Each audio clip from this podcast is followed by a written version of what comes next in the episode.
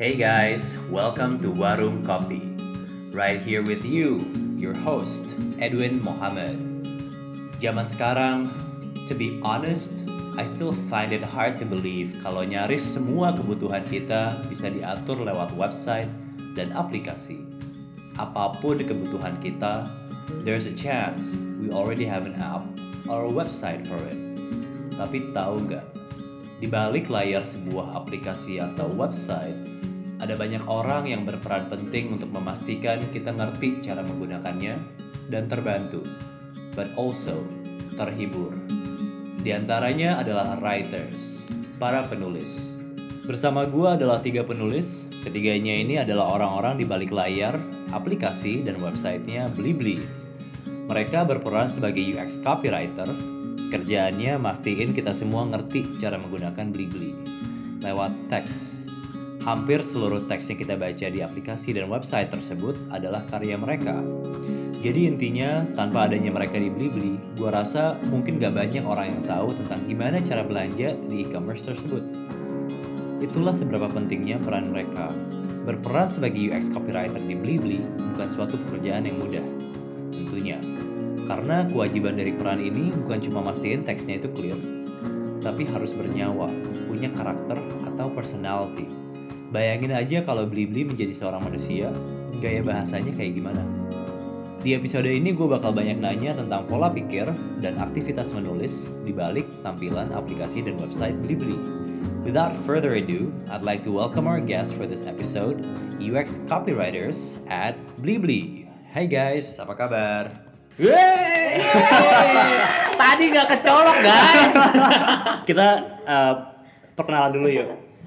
Uh, bio singkat, role dan lagi sibuk apa sekarang? Gue Andrew, UX writer. Gue Karen, UX Writer juga. Gue Clara, UX Writer Intern. Kami dari Blibli.com. Nah. Oke. lagi lagi sibuk apa nih, uh, Drew? Kalau gua lagi ngerjain aplikasi internal, jadi kayak buat eh, merchant gitu. Eh, intinya supaya mereka tahu kayak penjualan, terus kayak stok segala macam gitu sih. Merchant ya? Ya, merchant internal gitu deh. Kalau Karen? Kalau gue lagi ngerjain kayak buat game gitu sih gamification buat akhir tahun. Wow. Wow. Oh iya. Clara lagi ngerjain apa? Kalau gue lagi ngerjain Blibli Play yang itu adalah streamingnya Blibli. Berarti ada merchant, ada game, ada game, ada streaming. Oke, pertanyaan kedua gue nih cukup basic. Apa sih UX writing menurut kalian? UX writing adalah kayak memanusiakan komputer. Memanusiakan komputer. Oke, ada ada yang punya jawaban tambahan? Kalau menurut lu, Kat? Misalnya kalau kita mau masuk tol gitu, kayak cuma bisa pakai e-tol di sini, nah kayak gitu-gitu. Atau kayak eh, sekian kilometer lagi keluar exit mana gitu, kayak gitu-gitu sih. penting banget ya karena kalau gitu berarti di di tol tanpa adanya pelang jalan ya orang nggak bakal tahu mesti ke mana kan. Betul. Thanks to UX writer berarti kalau kayak gitu. Hey. Sign writer ya dulu. Sign writer. Toll writer. Highway writer. Oke, kalau ini um, a day in the life. Jadi tell me about a day in a life sebagai UX writer di Blibli. Ngecekin Trello.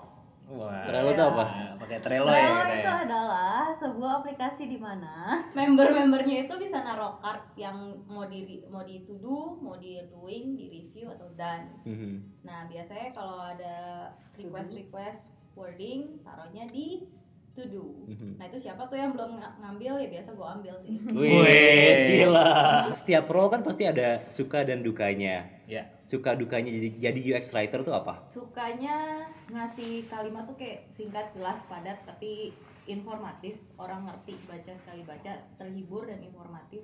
Mhm. Terus eh, analytical thinkingnya juga, kayak misalnya dari page yang sebelumnya tuh wordingnya apa, untuk selanjutnya apa, biar orang tuh nggak nggak bingung lah ini gue di page mana gitu. Mhm. Hmm. itu sukanya itu dukanya adalah udah bikin wording biasa pas production Nah. eh B Ya Allah. Aduh, gara-gara kayak ini. iya.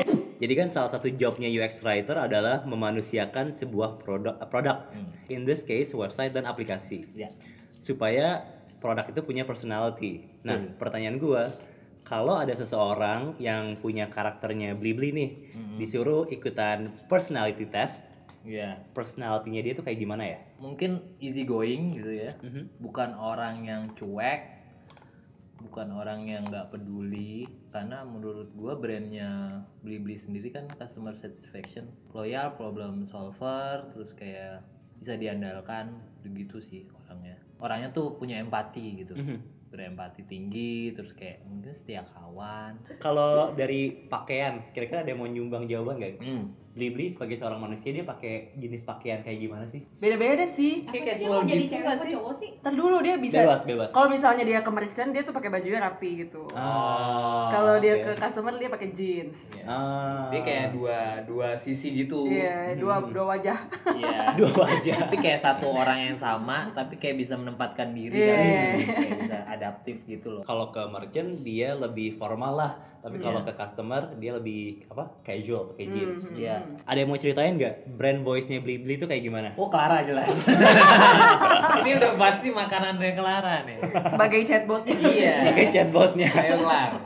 Jadi kayak ngasih tahu ke user tuh jelas nggak yang bertele-tele Hmm. to the point tapi in a fun way. Kayak yang tadi udah disebutkan kayak kita uh, customer satisfaction number one berarti lebih kayak helpful gitu mungkin. Jadi Hmm. ada apa-apa, ya dibantuin, eh boleh dibantu. Oh membalikin barang, oke dibantuin. Gue kayak oh mau refund, oh boleh baik dibantuin gitu. Gitu Dibayarin sih. juga sih. Dibayarin. dibayarin juga. Oke, pertanyaan berikut gua nih lebih ke kerjaan.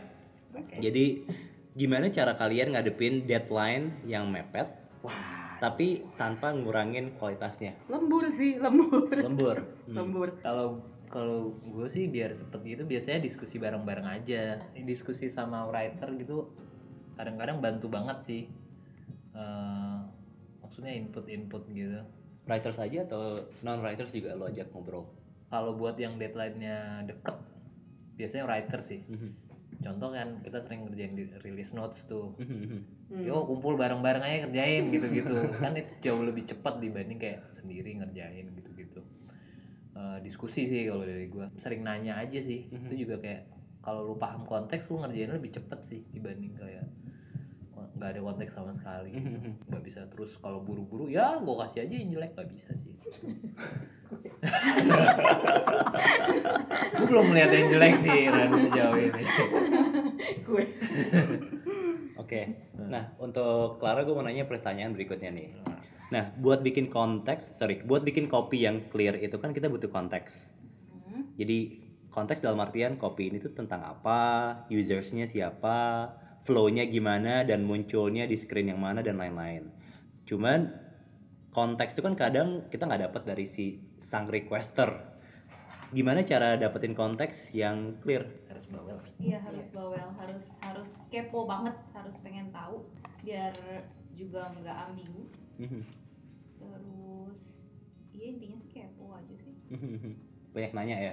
Baik nanya sampai usernya males ditanyain. Nggak jadi request deh. Ditanyain mulu.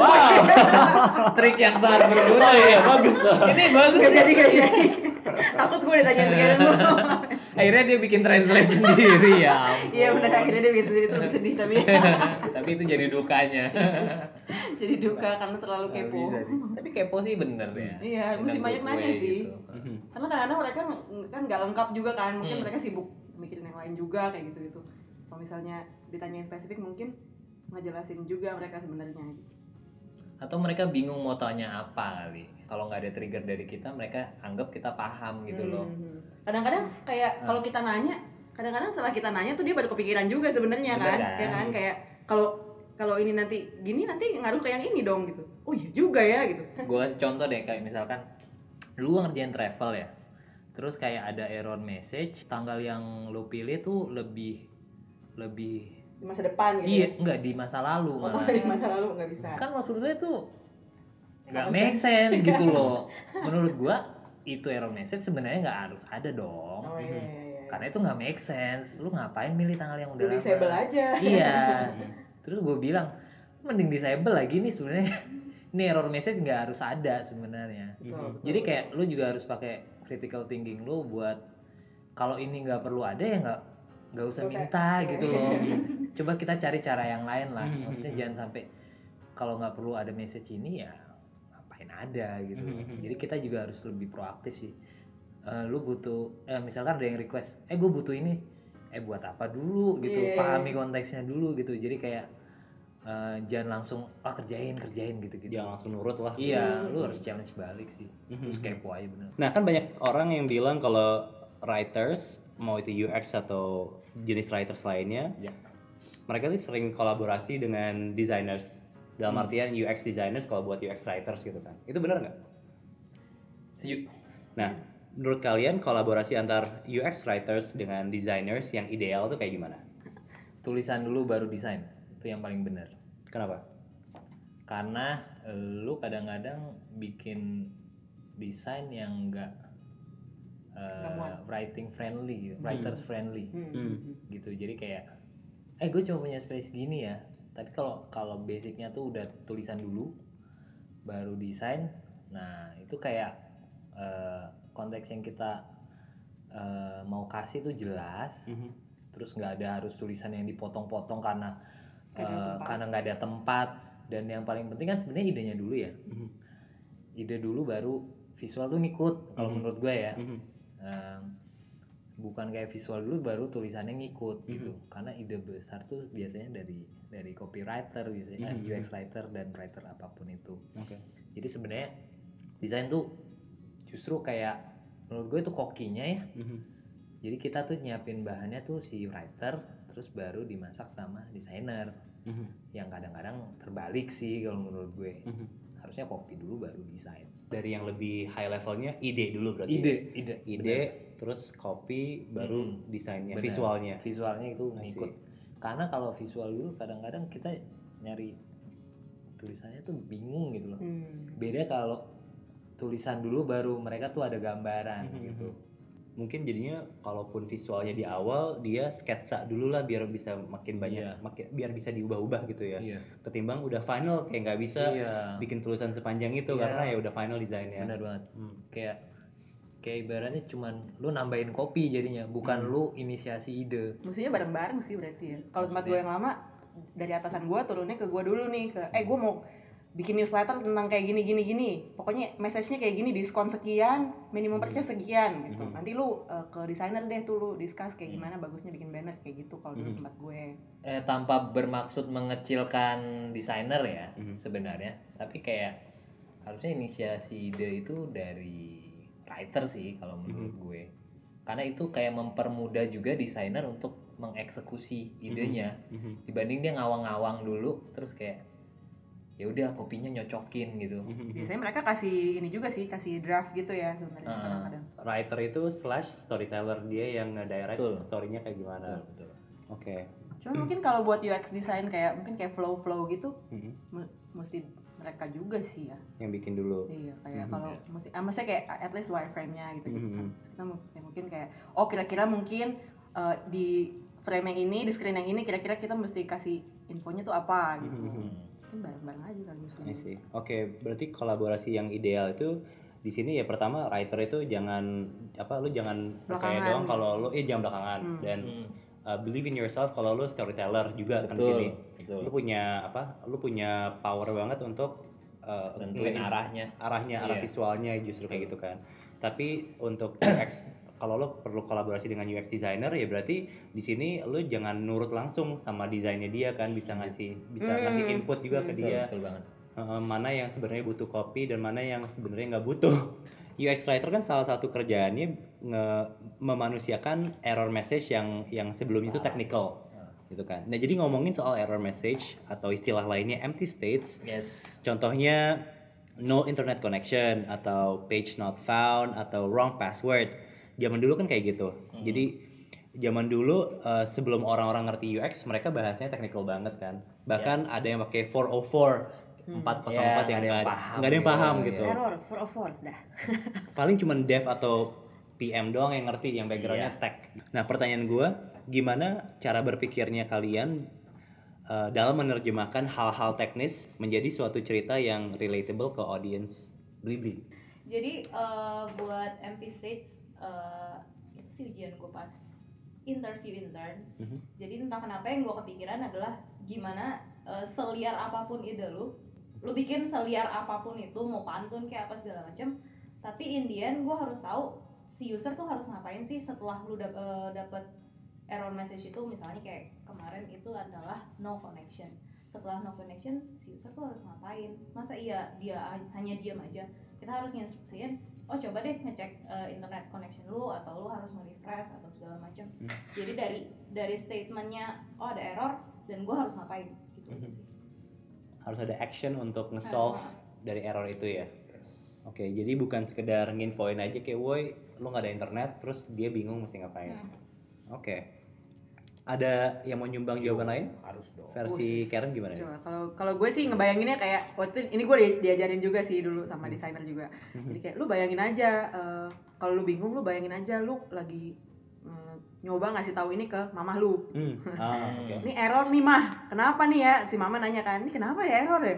Terus ya berarti kita kayak ngebayanginnya gitu kayak kalau kita ngomong ke mama-mama gimana caranya gitu supaya si mama ngerti gitu. bener sih yang kata Karen Mak- maksud gue kalau kalau orang yang paling awam aja paham user tuh pasti paham sih biasanya Hmm. terus kayak gini kalau menurut gua em, lu harus pakai perspektifnya user untuk nulis segala sesuatu gitu Mhm. jadi kadang-kadang kita tuh sebagai writers ada kayak arogansi mungkin gue bilang ya Mhm. kayak kita tuh sebenarnya kan paham banget lah sama bahasa dan karena itu makanan kita sehari-hari kan Mhm. tapi saat kita berhadapan dengan sebuah project yang harus kita pakai itu adalah sudut pandang si user Mhm. usernya nih paham atau enggak apa yang gue tulis Mhm. bukan gue paham atau enggak sama tulisan gue gitu Oh, oke. karena kadang-kadang kita kita yakin banget gini ini bagus tau ini bagus tapi kayak user nggak paham gitu loh Egonya itu ego ya. lu harus disingkirin dan lu harus Empathy. menempatkan ya menempatkan user eh, di nomor satu gitu sebagai sebagai hal yang paling utama gitu jadi nulis tuh bukan tentang lu lagi tapi kayak tentang user sih kalau menurut gue Eh, empati lagi sih balik lagi gitu. Hmm. Karena ya istilahnya kan UX writer ya. Lu di Hmm. sini menulis untuk User, User. ya. ya membangun Betul. user experience.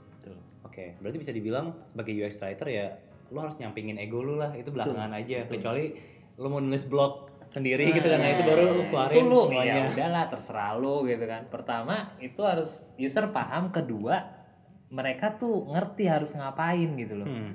terutama kayak error message tuh nggak boleh berhenti di kata-kata yang bagus doang gitu Iya. harus eh, Nyampe helpful dulu. juga gitu loh eh gua abis ini ngapain ya apa lu harus balik ke home? Apa lu harus cek koneksi internet? Apa lu harus em, ya banyak lah. Gue nggak bisa sebutin semua gitu.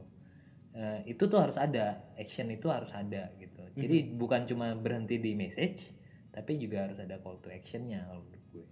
Oke, berarti yang dibilang sama Clara tadi ya, iya selain lu ngeinfoin ya lu harus eh, apa ngasih tahu next stepnya apa, Iya. what to do to solve this problem gitu ya. Betul. Oke, di app dan websitenya Blibli ini kan ada bahasa Indo dan bahasa Inggris ya. Hmm. Nah, gue pingin nanya-nanya tentang proses dibalik menerjemahkan Inggris ke Indo dan sebaliknya. Nah, Ah. jadi lebih ke gimana sih caranya, gimana cara kalian menerjemah Inggris ke Indo dan sebaliknya dengan cara eh, tulisannya itu nanti tone-nya dan dan konteksnya tetap sama Hmm. gitu kan. Soalnya kan banyak kalau misalnya kita nge-translate word per word Indo Iya. ke Inggris dan sebaliknya kan bisa aja beda gitu kan Hmm. artinya. Apalagi kalau Indo punya SPOK ya Inggris punya SPO, SPOK sendiri Iya, gitu iya. kan. Nah, jadi how do we translate eh, supaya tulisannya itu tetap punya konteks yang sama dan nggak nggak nggak ngubah tone-nya. Kalau gue sih ngebayanginnya nggak bukan kayak bikin bikin kopi untuk eh, orang Inggris dan orang Indonesia gitu nggak. Kalau gue ngebayanginnya tuh kayak Ah, oke. eh, orang Indonesia yang ngomong bahasa Inggris gitu. Mhm. Jadi bahasa Inggrisnya bukan yang kayak lebay apa yang orang Sulit Indonesia tuh gitu. nggak ngerti iya ya, yang kayak Hmm. istilah idiom-idiom gitu enggak sih kayaknya Ah, kayak lebih oke, ke oke. yang biasa orang Indonesia ngerti tuh apa gitu kalau misalnya Ah. mereka nggak ngerti ya sama aja kan jadinya nggak nggak nyampe juga gitu Hmm. message-nya gitu sih kalau gue caranya gitu ngelocalize ya gimana supaya jokes dalam bahasa Inggris ini misalkan tetap Iya. dimengerti sama orang iya Indo ha. Iya. ketimbang jokesnya itu dikenal sama orang Inggris gitu Inggris. contohnya. Iya, ya, terus jadinya Oh, pas di bahasa di iya. Indonesia orang Indonesia nggak ngerti itu apaan sih. Iya. ini jokes orang London Utara ya London Utara Gak ada yang paham di daerah sendiri sekali ya. Em, writer tuh jangan pernah berpikiran bahwa dia tuh translator I see. tapi berpikiran bahwa dia tuh kayak eh, berusaha menyampaikan pesan kepada usernya gitu Mhm. jadi kayak bukan plek ketiplek gitu lu translate dari Nah, bahasa pakai Inggris TikTok tuh bahasa Inggrisnya apa? Eh, flex ketiplek iya jadi kalau kayak konteksnya sama bahasa Inggrisnya beda sama bahasa Indonesia itu boleh banget gitu loh Hmm. Hmm. jangan kayak kok ini bahasa Indonesia gini kan bahasa Iya. Inggrisnya gini lo gue bukan translator cuy gue tuh writer supaya ini gue tuh nyampein konteksnya biar sama gitu loh Hmm. bukan cuma translate lo kalau mau translate Google Translate aja Iya, gitu iya, loh iya. udah selesai gitu tapi kan ini gue mau nyampein konteksnya Karena ya. ada banyak kata-kata yang Hmm. yang nggak ada translationnya kan bahkan ya. betul Yuk, makanya Yuk, let's. ada iya jangan jangan segitunya lah maksudnya kalau lu tahu bahasa Inggrisnya nggak harus bahasa Indonesia juga sama persis gitu translate-nya Dan ini berarti buat requester juga ketika atau buat apa ya? Ya, buat desainer yang sering kita kerja bareng gitu. Hmm. eh, mungkin pesan buat mereka juga ini penting juga ya. Jadi dalam artian kalau mereka butuh translation ya jangan berharap translation word per word, tapi yang Hmm. ditranslate Betul. adalah apa? Kon- Konteks. konteksnya gitu. Hmm. Oke oke, I, I think itu pesan yang penting banget sih bukan cuma untuk writers atau Hmm. eh, tapi buat buat requester juga, designers, Hmm. PM dan lain-lainnya dan bahkan yang mau jadi writer juga kan gitu. Ya. Kelar lu ada tips nggak kan belum lama ini lu wisuda kan? Congrats Clara. lulus dulu, belum sudah lulus. Eh, lulus dulu, lulus dulu. Berhubung lu habis lulus ini langsung jadi UX writer, lu ada tips nggak buat fresh grads lainnya yang mau jump in ke dunia ini? Eh, skill apa aja yang perlu dibangun ya? jangan mengambil karir gua Waduh. takut takut. yang harus expert in kayaknya harus analytical analytical thinking sih Hmm. lebih kritis kayak ya seben yang kayak bang Andrew bilang writer tuh bukan translator kalau dikasih wording ya lu nggak usah mentah-mentah ditranslate kalau Hmm. misalnya di di dummy teksnya sekian eh, apa lu nggak usah eh, copy langsung dummy teksnya itu lu harus Hmm. tahu konteksnya itu apa lu Mhm. mesti mesti tektokan lah sama desainer skillnya juga berangkat dari anak komunikasi Hmm. harus komunikasi juga Hmm. jadi kayak yang nggak semua semuanya lu diem diem aja lu harus komunikasiin juga lu Mhm. harus ya ada social life nya juga lah Mhm. Eh, kartu ya tuh. Wes. Follow. Jagoan nih. Social life karena dalam artian kehidupan easy going ini- ya. iya karena kehidupan ini nggak serius-serius amat lu kan bikin Sedap. wording Bagus.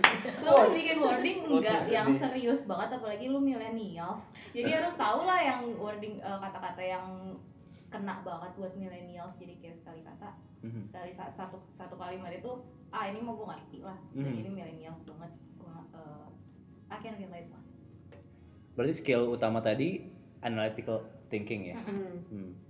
Nulis masuk ke ke, ke Peringkat berapa keberapa? ya? Ke peringkat berapa ya? analytical thinking eh, Komunikasi, komunikasi being writing social. Oh, Tiga. baru social, baru writing. writing eh social buat writing Justru di belakang datangnya kalau writing ya. Oke, oke. Ya, tapi jangan nggak bisa nulis juga sih. Iya. Silahkannya pakai hak lagi anu aja aja dah. Tapi berarti ya kali masuk kayak begitu.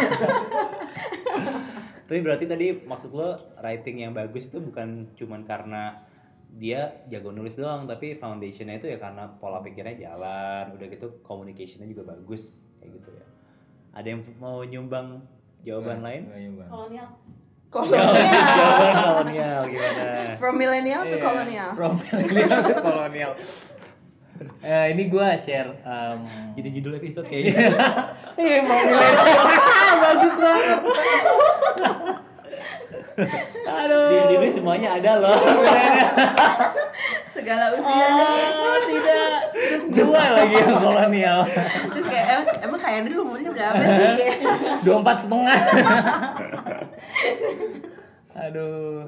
Jadi apa ya gue lupa nih. Menulis lah udah pasti ya. Mhm. Jadi kayak lu nggak boleh salah tulis anda huruf kecil Hmm. silakan pakai H gitu-gitu udah pasti itu Mhm. tapi ini gue mau share kayak apa yang gue pelajari sebagai writers dulu kan eh, basicnya dulu ya dulu Mhm. kan gue copywriter baru baru di Blibli gue jadi UX writer dulu gue punya konsep tuh 3C konteks konsep Kopi. konten. Kalau bahasa Indonesia. Hmm. 3K Oke. 3K kalau bahasa Indonesia. Jadi pertama lu harus pahami konteksnya dulu. Lu harus pahami konteks lu mau ngerjain apa nih? Mhm. karena project tuh beda-beda konteksnya.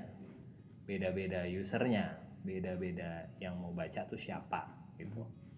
Terus setelah lu paham konteksnya lu tentuin dulu konsepnya nih kayak gimana mau fun Mhm. mau serius atau mau yang eh, agak-agak semi formal tentuin konsep baru di ujung lu baru bisa mulai nulis Mhm. karena ya gue baca juga nih mediumnya si Edwin Woi. 90% crafting 10% writing jadi Jangan lupa di like ya. di clap ya di medium clap. jadi menurut Jadi gue gue yang promote ya. jadi menurut gue emang lu harus paham banget sih. Jadi nulis tuh bukan sekedar nulis. Lu harus paham konteks lu harus tentuin konsep baru lu bisa mulai nulis dari situ gitu. Mhm. nggak bisa lu nulis asal-asalan itu. Karena gue suka begini gue tulis ya begini nggak boleh gitu. Mhm. lu harus paham konteksnya. Bikin konsepnya. Misalkan kalau error message eh, konsepnya gue mau kayak karena putus itu relate dengan hubungan gue mau bikin kok tulisan-tulisan yang mirip sama putus cinta Ini gitu. buat no internet connection. Iya, misalkan. misalkan Oh, lu kan udah tahu konteksnya adalah no internet oke. Heeh. lu bikin konsepnya adalah kayak pacaran Hmm. putus gitu nah itu baru lu bisa mulai crafting tulisan dari situ Mhm. jangan mulai nulis tuh kalau lu belum paham konteksnya sama lu nggak ngerti konsep tulisan lu kalau menurut gue Mhm. Jadi lu ingat aja tuh 3C Kalau dari gua, kalau karena ininya fresh grad ya, Mhm. maksudnya gue juga kan gue masuk ke sini bukannya gue udah jadi UX writer juga kan dulunya gue bukan UX writer gitu jadi gue belajar juga dari awal ya Mhm. intinya sih jangan jangan malu bertanya gitu kali ya kayak Ah.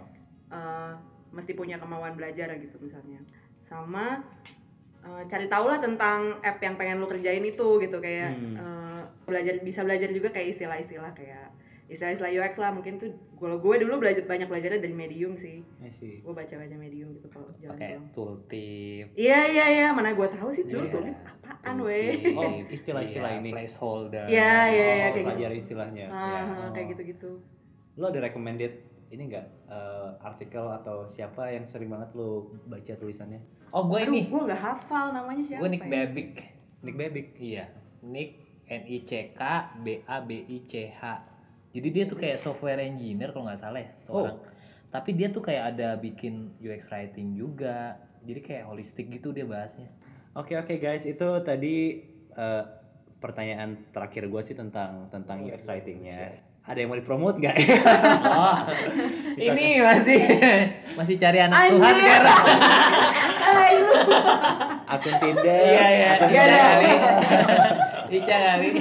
Kali. Kali kali. Atau lagi mau nulis apa nih? Mau diceritain sedikit tentang tulisan berikutnya atau ah, Oh gue boleh boleh boleh. community atau apa gitu? Iya, iya. Eh, gue lagi mau ngerjain sebuah aplikasi Wow. namanya Warteg. Jadi kayak Widih, kita kolaboran nih kayaknya nih. Warung kopi terlalu ya. kita tuh seneng banget warung ternyata ya anak warung warung ya lagi. sebenarnya eh, backgroundnya tuh kayak bantuin anak-anak kos nyari warteg terdekat gitu loh jadi kan itu karena karena masa lalu gue juga dulu kayak anjir lapar nih malam-malam terus kayak Otaknya 24 jam di mana ya? iya terus pas datang ya tutup lagi lapar gue gitu loh jadi Jadi kayak lu nangis di depan. iya udah miskin Terus dikasih makan apa lagi? ya kalau lu miskin udah nggak bisa protes deh Tahun berapa tuh? tiap tahun gue miskin Tiap tahun. Oh gitu. Jadi gitu sih gue lagi kayak mencari orang-orang buat ngerjain itu. Wow. Kalau ada yang mau bantuin gitu ya. Iya. Warteg ada kepanjangannya nggak? Gak warteg aja. Warteg aja. Oke. Gitu Warung sih. tega. Gak pakai L. Yang lo yang lo cari role-nya apa nih? Eh, engineer sih. Oh, iya. Iya, kayak desainernya udah ada gitu. Oke oke oke. Nice. Oke guys, kalau kalian mau cari tahu lebih tentang warteg atau mau participate di grow growth-nya bisa kontak Andrew. Oke guys, thank you so much nih udah udah mau sempetin waktunya buat warung kopi. Oke. Maju terus ya warung kopi. Oh, uh, Beli mic. Oh, beli mic. Lu modal kali Win. Kebongkar, kebongkar kayak ini. Bikin kita bisa.com aja. Iya. That